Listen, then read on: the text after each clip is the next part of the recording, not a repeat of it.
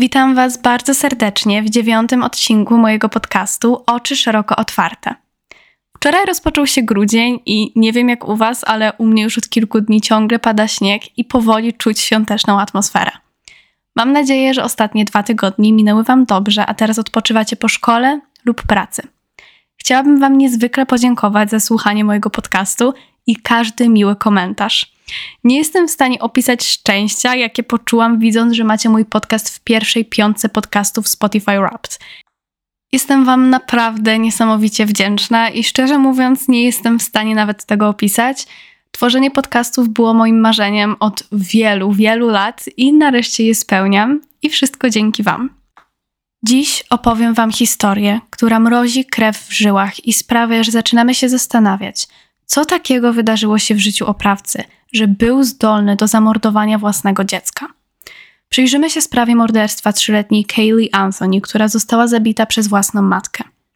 Casey Anthony aż do dziś jest określana jako jedna z najbardziej znienawidzonych kobiet w całej Ameryce. Jeśli jesteście ciekawi wydarzeń oraz przeszłości sprawcy, zapraszam do odcinka. Zanim jeszcze przejdziemy, mały disclaimer. Ta sprawa porusza takie tematy jak próba samobójcza, zaniedbanie dziecka, wspominanie o molestowaniu oraz morderstwo. Jeśli nie czujecie się dobrze słuchając o takich rzeczach, zapraszam do następnego odcinka. W międzyczasie zróbcie dla siebie coś dobrego. A teraz, bez zbędnego przedłużania, zapraszam do słuchania. Złapcie za koc, zapaszcie herbatę i zasłuchajcie się fali kryminalnych historii. Casey Mary Anthony urodziła się 19 marca 1986 roku w Ohio w Stanach Zjednoczonych jako jedno z dwójki dzieci Cindy oraz Georgia Anthony. Casey miała o 4 lata starszego brata, Lee. Cindy, matka rodzeństwa, była pielęgniarką w domu spokojnej starości, natomiast George był policjantem i pracował w Wydziale Zabójstw. Życie rodziny było spokojne oraz szczęśliwe i z tego co jest nam wiadome nie było pomiędzy nimi żadnych większych konfliktów. Wręcz przeciwnie. Casey miała naprawdę bardzo przyjacielską relację ze swoimi rodzicami i zawsze mogła na nich liczyć, niezależnie od tego, co by się nie działo.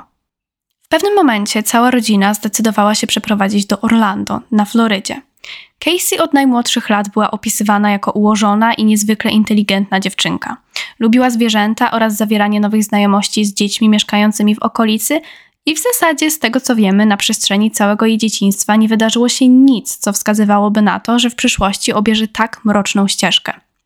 Kiedy Casey wkroczyła w wiek nastoletni, zarówno jej rodzina, jak i przyjaciele zaczęli dostrzegać w jej zachowaniu pewne zmiany, które zdecydowanie nie wynikały z okresu dojrzewania. W zasadzie można by rzec, że jej podejście względem bliskiej rodziny zmieniło się o 180 stopni.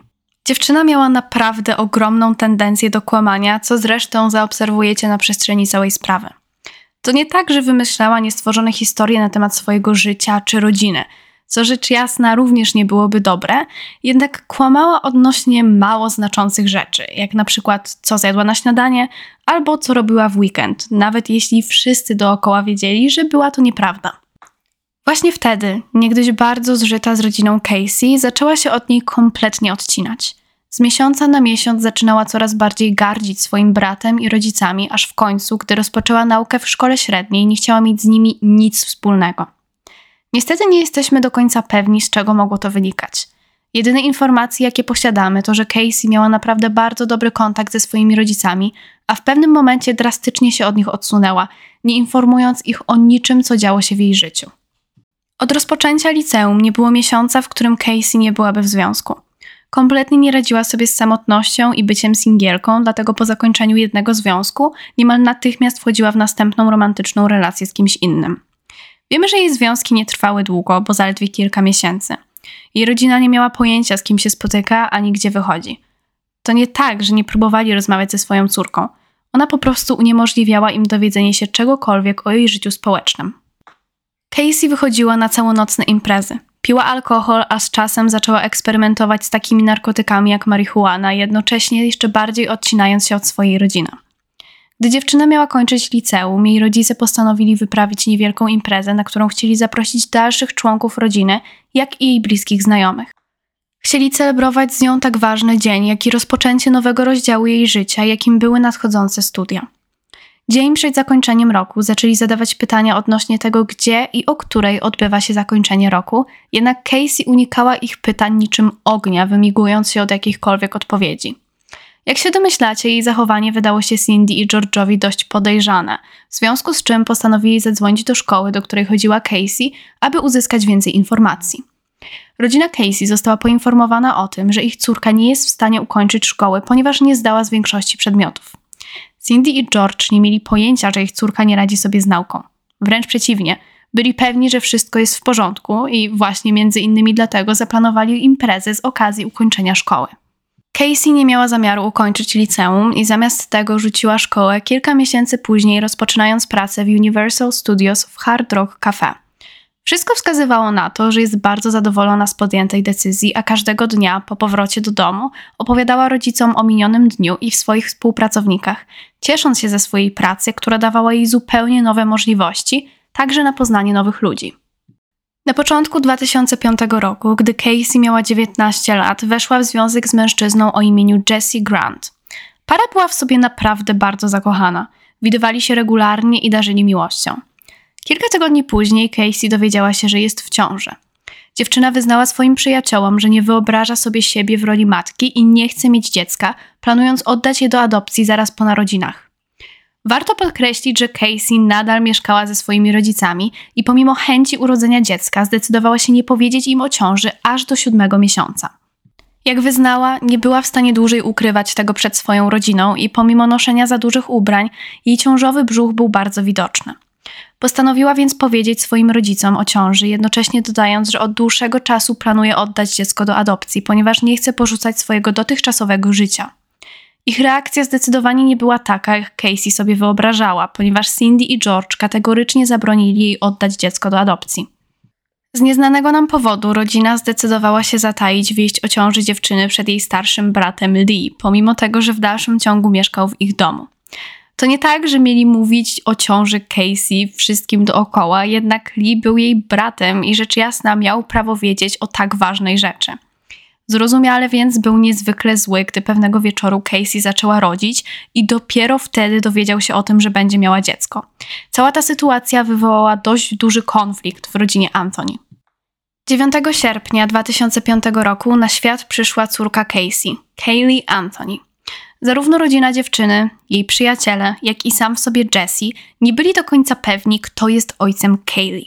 Wśród całej grupy krążyły różne teorie, jednak na tamten czas nikt jeszcze nie napierał na Casey, każąc jej na przykład zrobić test na ojcowstwo.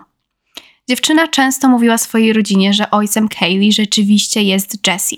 Czasami zmieniała jednak zdanie i mówiła swoim rodzicom, że ojciec dziewczynki zmarł w tragicznym wypadku samochodowym, nie mając okazji poznać swojej córki. 31 grudnia 2005 roku w trakcie imprezy sylwestrowej Jesse oświadczył się Casey, chcąc, aby wraz z kilkumiesięczną Kaylee stworzyli szczęśliwą rodzinę.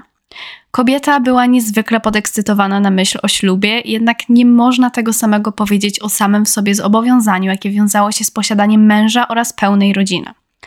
Owszem, mówiła swojej rodzinie i znajomym, że kocha Jesse'ego i nie może się doczekać, aż włoży białą sukienkę i powie mu przed ołtarzem tak – Bycie jednak matką i oddanie się opiece nad swoim dzieckiem nadal zdawało się stanowić dla niej bardzo duży problem. Chciała imprezować każdego wieczoru, aż do samego rana i żyć w pełni wolnym życiem, bez jakichkolwiek obowiązków czy odpowiedzialności. Aby móc pozwolić sobie na całonocne, niemal codzienne imprezowanie, Casey zatrudniła nianię Zani, lub raczej Zeneide Fernandez Gonzalez, którą przedstawił jej współpracownik w Universal Studios, Jeff. Zani była jego byłą dziewczyną i na co dzień zajmowała się dziećmi. Kochała swoją pracę i zdawała się być idealną kandydatką na opiekunkę dla Kaylee. Zdecydowanie najdziwniejszym aspektem całej tej sytuacji było to, że dziewczyna powiedziała swoim rodzicom, jakoby Jeff płacił Zani za zajmowanie się jej córką. Rodzina Casey za nic w świecie nie była w stanie zrozumieć, z jakiego powodu obcy mężczyzna miałby płacić niani za zajmowanie się obcym dzieckiem. Końcu jest to dość nietypowe i no, raczej nie zdarza się zbyt często. Kolejna dość ważna rzecz to, że rodzina Casey nie wiedziała nic na temat Zani i nigdy nie widzieli jej na żywo. Jedyne co powiedziała im córka to, że Zani ma psa i mieszka w okolicy, co trochę ich martwiło, bo jednak warto wiedzieć cokolwiek na temat osoby, która zajmuje się Twoją wnuczką. Mniej więcej w tamtym momencie Jesse postanowił poprosić Casey o zrobienie testu na ojcostwo. Chciał mieć pewność, że to on rzeczywiście jest ojcem Kaylee, zwłaszcza, że na tamten czas jakiś zupełnie przypadkowy mężczyzna płacił niani za zajmowanie się jego córką. Test na ojcostwo potwierdził, że Jesse nie był ojcem Kaylee, jednak w dalszym ciągu nikt nie wiedział, kto nim był. Nie sprawiło to, że Jesse postanowił zerwać z Casey. Wręcz przeciwnie. Kochał ją i chciał, aby pomimo tego stworzyli szczęśliwą rodzinę. W maju 2006 roku jednak zdecydował się zakończyć ich związek, ponieważ, jak twierdził, zachowanie Casey uległo drastycznej zmianie i od jakiegoś czasu nie była sobą, coraz głębiej brnąc w kłamstwa. Casey była niemal natychmiast gotowa na wejście w nowy związek i aby poznać swojego następnego chłopaka, każdego wieczoru wychodziła na całonocne imprezy, licząc na to, że prędzej czy później spotka miłość swojego życia. Pewnego wieczoru na jednej z imprez wpadła na aspirującego DJ-a, Toniego, z którym dość szybko złapała dobry kontakt. Z czasem Casey zaczęła przyprowadzać Kaylee do mieszkania, w którym mężczyzna wynajmował pokój i spędzały w nim długie godziny. Przez cały okres, w którym Casey imprezowała i widywała się z Tonim, Kaylee głównie zajmowali się Cindy oraz George, nie licząc oczywiście dni, w których Casey zabierała Kaylee do mieszkania mężczyzny. Jej życie wyglądało w taki sposób przez następne dwa lata. Imprezowała, spotykała się z Tonim i okazjonalnie zostawała z córką w domu. Głównie jednak opiekę nad Kylie sprawowali Cindy i George, chcąc zapewnić jej jak najszczęśliwsze dzieciństwo. Według tego, co wyznała Casey, i pragnę to podkreślić, ponieważ w zasadzie nie możemy ufać wszystkiemu, co mówi, 15 czerwca 2008 roku, gdy miała 22 lata, ona i jej rodzina bardzo się pokłócili, co sprawiło, że następnego dnia spakowała wszystkie swoje rzeczy, wzięła Kaylee i wraz z córką opuściła dom rodziny Anthony. To właśnie 15 czerwca trzyletnia Kaylee była widziana po raz ostatni. Casey powiedziała swojej rodzinie, że nie chce z nimi rozmawiać i wyjeżdża do pracy do miasta Tampa, znajdującego się na Florydzie, około półtorej godziny od Orlando, a więc w zasadzie nie tak daleko. W rzeczywistości pojechała do mieszkania swojego chłopaka, Toniego. Kiedy zapukała do jego drzwi, była sama, a po Kylie nie było nawet śladu. Zapytana o to, gdzie znajduje się jej córka, odparła, że jest z nianią Zani. Casey zatrzymała się w mieszkaniu swojego chłopaka na miesiąc i w trakcie tego miesiąca nikt nie widział ani nie słyszał o Kaylee. Rzecz jasna, Cindy i George dzwonili do swojej córki, aby zapytać, jak ona i Kaylee się mają, jednak za każdym razem, gdy chcieli porozmawiać ze swoją wnuczką, Casey zawsze miała przygotowaną jakąś wymówkę. Mówiła, że Kaylee śpi, bawi się lub jest u niani i z tego, co zauważyli Cindy oraz George, nigdy nie było jej w pobliżu.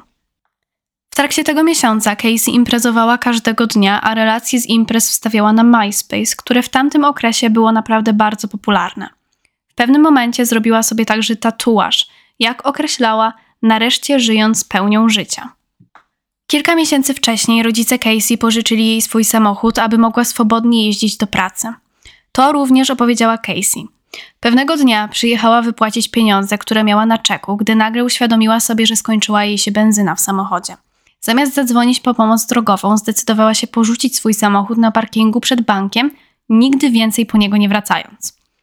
Na początku lipca 2008 roku, a więc prawie miesiąc od dnia, w którym Casey zabrała Kaylee z domu rodzinnego, pracownicy banku zadzwonili po pomoc drogową, aby ktoś przyjechał odholować samochód, który stał na parkingu od kilku tygodni. Samochód był zarejestrowany na ojca Casey, Georgia, a więc to on otrzymał telefon o tym, skąd może odebrać swój pojazd. Był zaskoczony i przede wszystkim zdenerwowany, gdy dowiedział się, że Casey od tak porzuciła jego samochód na parkingu. Zresztą cała ta sytuacja wydawała się rodzicom dziewczyny podejrzana od kilku ostatnich tygodni. Nie wiedzieli, gdzie jest, nie mogli porozmawiać z Kaylee i nie widzieli dziewczyn od blisko miesiąca. Zaczęli podejrzewać, że za tym wszystkim stoi coś więcej, jednak na tamten moment nie wiedzieli jeszcze, jak mroczna była prawda skrywana przez Casey. George pojechał odebrać samochód od holownika jeszcze tego samego dnia i wyznał, że w momencie, w którym go otworzył, poczuł bardzo silny i niezwykle nieprzyjemny odór. Gdy wrócił do domu, poprosił Cindy, aby zadzwoniła do Casey i zapytała, z jakiego powodu porzuciła samochód na parkingu, jednak pomimo wielu prób kobieta nie była w stanie się z nią skontaktować. Wykonała kilka telefonów do przyjaciół i bliskich znajomych Casey, aby dowiedzieć się, gdzie aktualnie przebywa i co się z nią dzieje, aż w końcu jedna z przyjaciółek poinformowała ją, że kobieta mieszka w pobliżu u swojego chłopaka, Toniego. W międzyczasie małżeństwo postanowiło posprzątać auto. W bagażniku znaleźli czarny worek, z którego dobiegał zapach rozkładających się zwłok. Według tego, co wyznali, nie otworzyli go, a jedynie wyrzucili do śmieci, następnie czyszcząc i wietrząc samochód. Krąży masa teorii odnośnie ich postępowania. Tak jak wspomniałam na samym początku historii, George pracował w Wydziale Zabójstw i sam przyznał, że wie, jak pachną rozkładające się zwłoki. Jest to ponoć bardzo charakterystyczny zapach i nie da się go pomylić z czymkolwiek innym. Według wielu osób, zarówno on, jak i Cindy wiedzieli, co znajduje się w worku, jednak zdecydowali się nie zadzwonić na policję, aby nie wsadzać swojej córki za kratki. Pragnę od razu zaznaczyć, że jest to jedynie teoria i niestety prawdopodobnie już nigdy nie dowiemy się, jak było, ani czym się kierowali. 16 lipca Cindy pojechała do mieszkania Toniego, sądząc, że może zastać tam Casey. Nie myliła się. Kiedy po kilku próbach nareszcie udało się jej wejść do mieszkania mężczyzny, zastała swoją córkę, Toniego i jego znajomych biorących narkotyki. To, rzecz jasna, niesamowicie ją zdenerwowało i zaczęła natychmiast wypytywać Casey o to, co się dzieje, gdzie jest Kaylee i dlaczego porzuciła samochód na parkingu przed bankiem. Casey zdawała się nie przejmować pytaniami matki. Była zirytowana, ponieważ, jak twierdziła, Cindy zepsuła jej dobrą zabawę z jej chłopakiem i narobiła jej wstydu.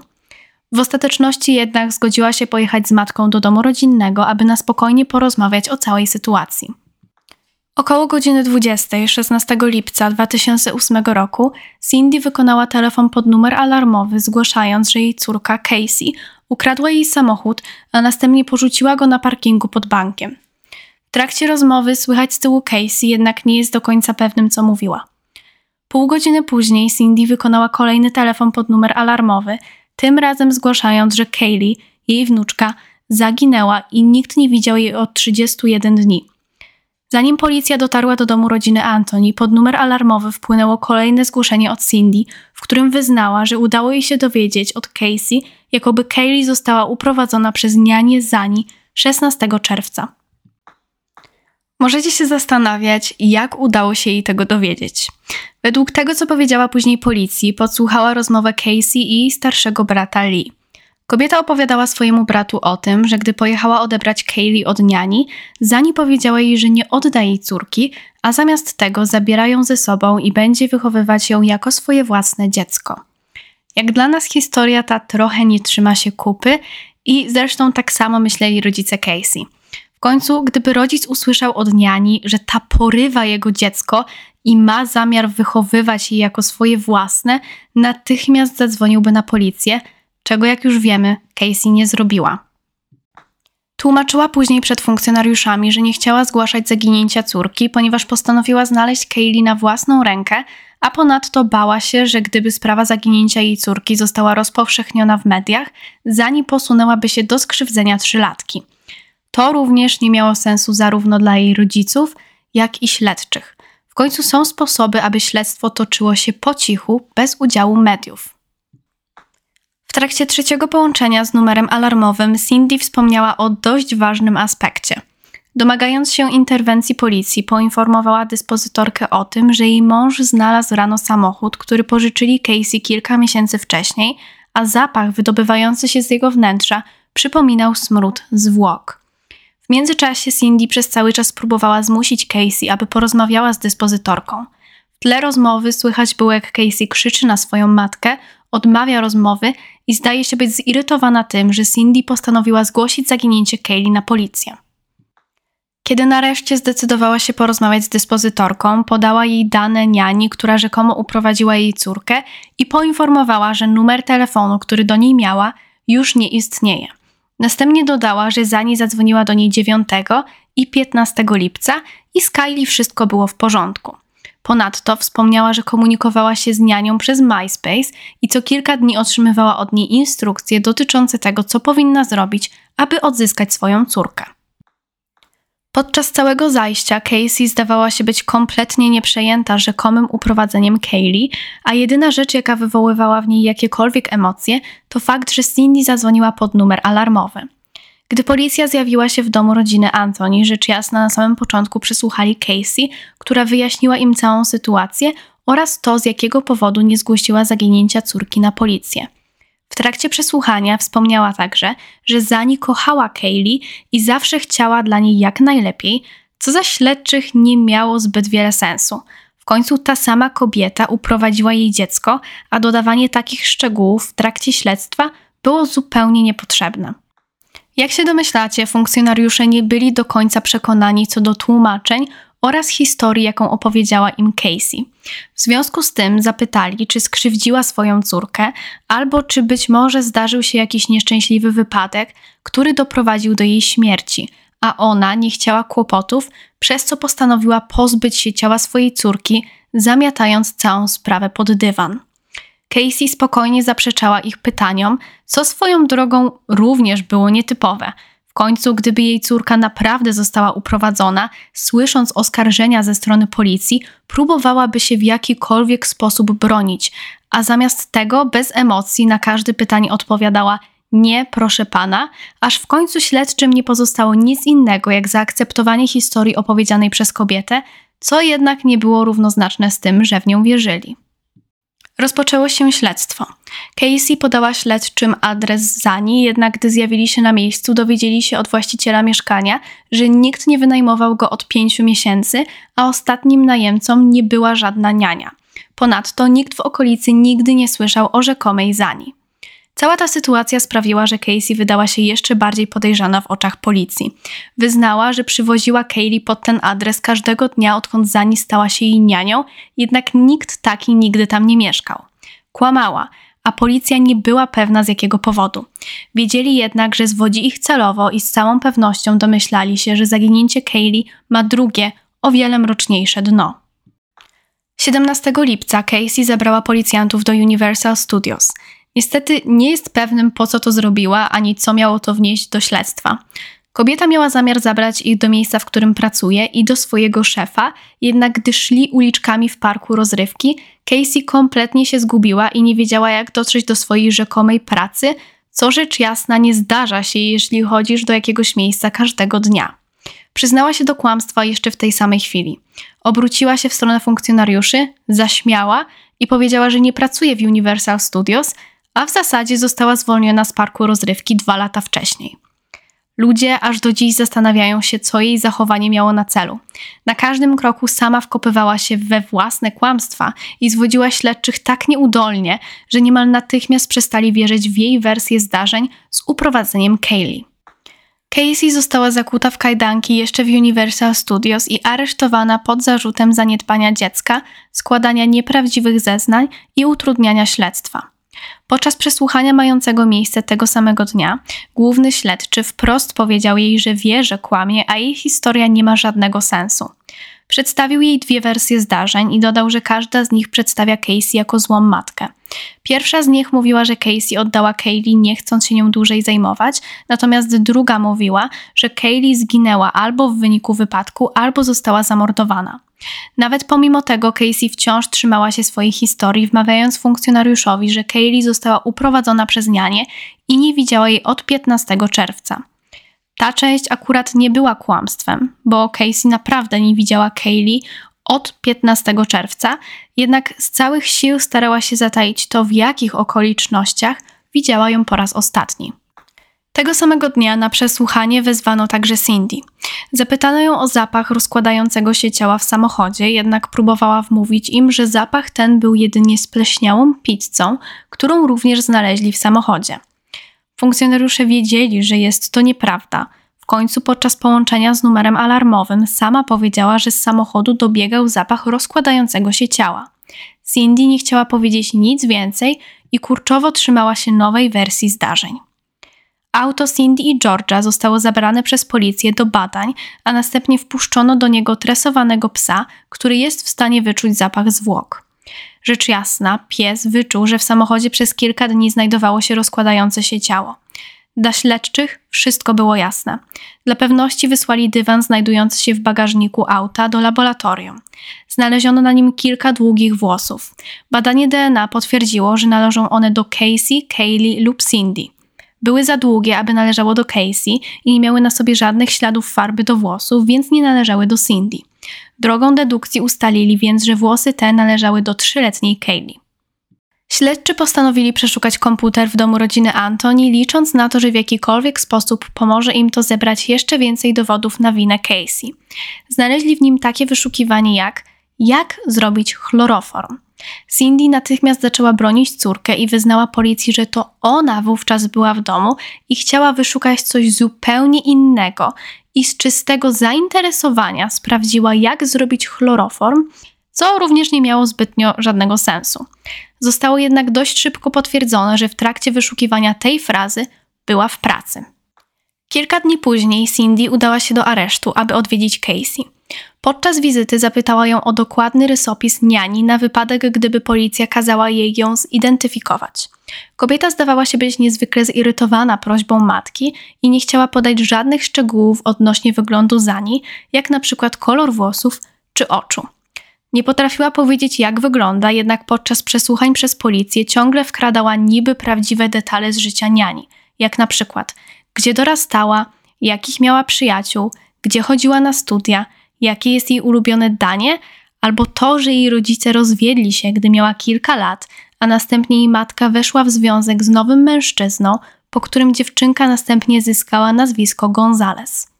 Robiła to jedynie po to, aby jej historia brzmiała jak najbardziej wiarygodnie w oczach funkcjonariuszy i nawet jeśli wymyślała wszystkie te rzeczy na poczekaniu, z pozoru wszystkie te detale odnośnie życia niani zdawały się mieć naprawdę bardzo dużo sensu, bo zawsze mówiła je płynnie, bez żadnego zastanowienia, co jedynie dowodzi, jak świetnie potrafiła oszukiwać ludzi dookoła. Warto wspomnieć, że kobieta imieniem Zenaida Gonzalez naprawdę istniała i w pewnym momencie śledczy pokazali Casey jej zdjęcie, jednak powiedziała, że nigdy wcześniej jej nie widziała i nie ma pojęcia kim jest.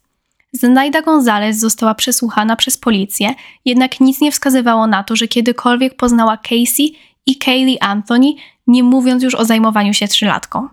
Funkcjonariusze porozmawiali z klientami kobiety i wszyscy zgodnie powiedzieli, że Zenaida była wspaniałą opiekunką i nigdy nie dawała im jakiegokolwiek powodu do niepokoju. Wręcz przeciwnie, ufali jej, a same w sobie dzieci kochały spędzać z nią czas i traktowały ją jak członka rodziny. Także przyjaciele Casey wyznali, że nigdy nie słyszeli o niani Zani. Kiedy Casey wychodziła, dajmy na to, na kawę, zawsze zabierała ze sobą Kaylee, a kiedy wychodziła na imprezy, dziewczynka zostawała w domu pod opieką jej rodziców.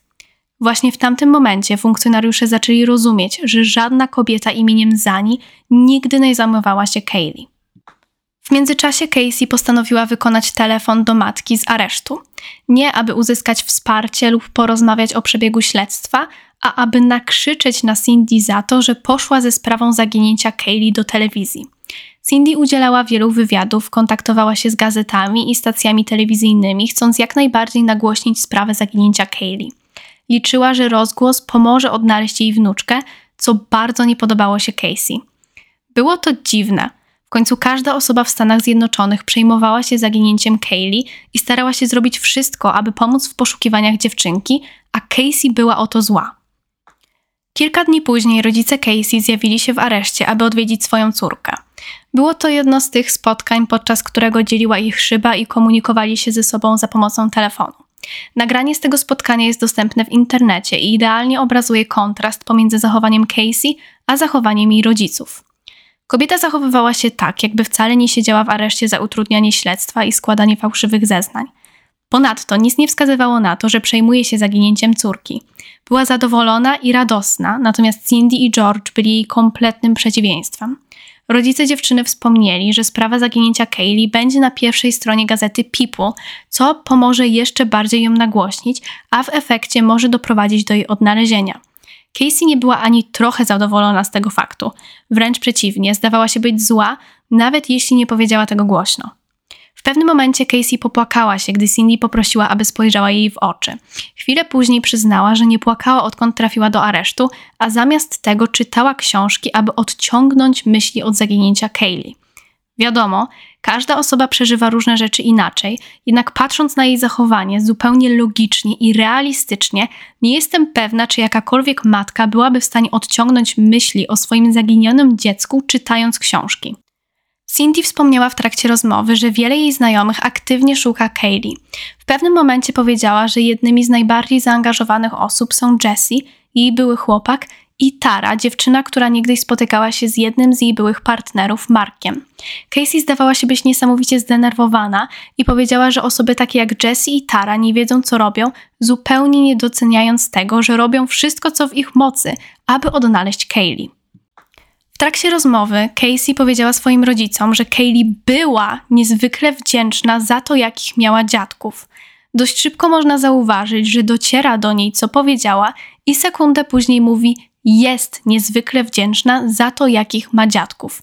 Takie sytuacje zdarzają się dość często, gdy morderca wypowiada się o osobie zaginionej, a on wie, że osoba ta już nie żyje. Pomimo wszystkich dowodów, śledczy w dalszym ciągu nie mieli ciała Kaylee, w związku z czym nie byli w stanie oskarżyć o cokolwiek Casey. Owszem, George i Cindy znaleźli w samochodzie worek, jednak wyrzucili go do śmieci i w zasadzie nie wiadomo, co się z nim stało. Krążą spekulacje, że to Casey zabrała ten worek, kiedy następnie była w domu swoich rodziców i następnie wywiozła go do lasu. Przez następny miesiąc media huczały i każda stacja telewizyjna emitowała sprawę zaginięcia Kaylee. Ludzie zaczynali wierzyć w to, że to Casey stała za jej zaginięciem lub raczej morderstwem. Właśnie w tym okresie Casey wynajęła prawnika, a kaucja za jej wyjście z aresztu została wyceniona na 500 tysięcy dolarów. O dziwo została zapłacona przez jej rodziców i w połowie sierpnia kobieta wyszła z aresztu, przenosząc się do domu rodzinnego, pod którym dniami i nocami stali dziennikarze oraz mieszkańcy Orlando, domagający się odpowiedzi. Przeszkadzało to nie tylko rodzinie Anthony, ale przede wszystkim okolicznym mieszkańcom. Casey została ponownie aresztowana 29 sierpnia za wypisywanie fałszywych czeków, a więc za coś, co było kompletnie niezwiązane ze śledztwem. Kaucja za wypuszczenie z aresztu tym razem wynosiła 5 tysięcy dolarów i po raz kolejny została opłacona przez rodziców Casey. Przez kilka następnych miesięcy Casey udzielała wielu wywiadów, starając się odnaleźć rzekomo zaginioną Kaylee, natomiast śledczy robili co w ich mocy, aby odnaleźć ciało trzylatki i skazać jej matkę za morderstwo. 11 grudnia 2008 roku, kilka miesięcy po rozpoczęciu śledztwa, pewien mężczyzna spostrzegł na uboczu drogi coś, co przypominało czaszkę, nieco półtora kilometra od domu rodziny Antoni. Gdy podszedł bliżej, zorientował się, że na poboczu znajdują się zwłoki i natychmiast skontaktował się z policją. Co przerażające, mężczyzna ten zgłaszał obecność zwłok na tym samym poboczu trzy razy w odstępie kilku miesięcy, jednak nie był brany na poważnie. Dyspozytor za każdym razem mówił, że wysyła na miejsce patrol policji, ale ten nigdy się nie zjawiał. Śledczy nareszcie udali się na miejsce zgłoszenia. Znaleźli czaszkę owiniętą taśmą klejącą, a kilkanaście metrów dalej worek, w którym znajdowała się reszta ciała ofiary oraz kocyk z kubusiem puchatkiem. 19 grudnia funkcjonariusze ogłosili, że testy DNA potwierdziły, że zwłoki znalezione na poboczu drogi należały do Kaylee Anthony, jednocześnie zdobywając nakaz przeszukania domu rodziny Anthony. Odkryli, że pokój Kaylee był cały w tematyce kubusia puchatka, a do zestawu z poszewkami na poduszki i pościelą brakowało kocyka, który znaleźli w worku ze zwłokami. Casey została aresztowana jeszcze tego samego dnia pod zarzutem morderstwa pierwszego stopnia. Z tego, co można było zaobserwować na przestrzeni całego śledztwa, jedyną osobą, która była w stanie przyznać się przed samym sobą oraz całym światem, że to Casey zamordowała Kaylee, był George, ojciec Casey. W styczniu 2009 roku mężczyzna próbował odebrać sobie życie w lokalnym hotelu, nie potrafiąc poradzić sobie z sytuacją, jaka wydarzyła się w jego rodzinie. Został przewieziony do szpitala i dzięki szybkiej reakcji lekarzy przeżył próbę samobójczą. Proces Casey rozpoczął się 24 maja 2011 roku. Kobieta w dalszym ciągu nie przyznawała się do winy, a ponadto została zapytana w sądzie o swoje kłamstwa, których dopuściła się na przestrzeni całego śledztwa. Powiedziała, że powodem, dla którego zaczęła kłamać, było molestowanie ze strony George'a, którego doświadczyła w wieku 8 lat. George zeznał przed sądem, że nigdy nie skrzywdził swojej córki. Nic nie zostało jednak zaprzeczone ani potwierdzone, więc nie wiemy, jak było naprawdę. Sąd przedstawił swoją teorię na temat przebiegu zdarzeń. Według sądu Casey odurzyła Kaylee chloroformem, po czym zakleiła jej usta oraz nos taśmą, co doprowadziło do jej śmierci. Ukryła jej ciało w samochodzie i udała się do swojego chłopaka, po kilku dniach porzucając ciało Kaylee w lesie, a następnie zostawiając samochód na parkingu pod bankiem. Teoria Cindy, matki Casey, mówiła o tym, że Kaylee utonęła w basenie, gdy Casey nie patrzyła, po czym pozbyła się jej ciała, nie zastanawiając się nad swoim postępowaniem. George wierzył, że Casey podawała Kaylee Xanax, aż pewnego dnia podała jej za dużą dawkę, w wyniku czego dziewczynka zmarła z przedawkowania. Jego argumentem było to, że Casey chciała chodzić codziennie na imprezy, a Xanax silnie usypiał Kaylee, przez co kobieta mogła wychodzić wieczorami. Niestety, aż do dziś nie wiemy, co tak naprawdę się wydarzyło. Casey zdecydowała się nie powiedzieć prawdy i przez cały czas wmawiała sądowi, że to za niej zamordowała Kaylee. 10 lipca 2011 roku sąd uznał Casey niewinną morderstwa pierwszego stopnia. Nie wiem jak ani dlaczego się to wydarzyło. Wszystkie dowody w końcu wskazywało na to, że jest winna, a jednak jakimś cudem sąd stwierdził, że nic nie zrobiła? Tak. Casey Anthony chodzi teraz po świecie i nigdy nie została skazana za morderstwo swojej córki. Została jedynie skazana za składanie fałszywych zeznań i utrudnianie śledztwa na rok więzienia, jednak została wypuszczona za dobre sprawowanie w lipcu 2011 roku po odsiedzeniu miesiąca w stanowym więzieniu. Sprawa ta naprawdę jest niezwykle przerażająca. Jak rodzic był w stanie zamordować swoje własne dziecko i z jakiego powodu system sprawiedliwości aż tak bardzo zawiódł? Po raz kolejny. Dziękuję Wam bardzo za wysłuchanie dzisiejszego odcinka, a teraz życzę Wam miłego dnia lub wieczoru i słyszymy się już w przyszłym tygodniu lub za dwa tygodnie. Mua!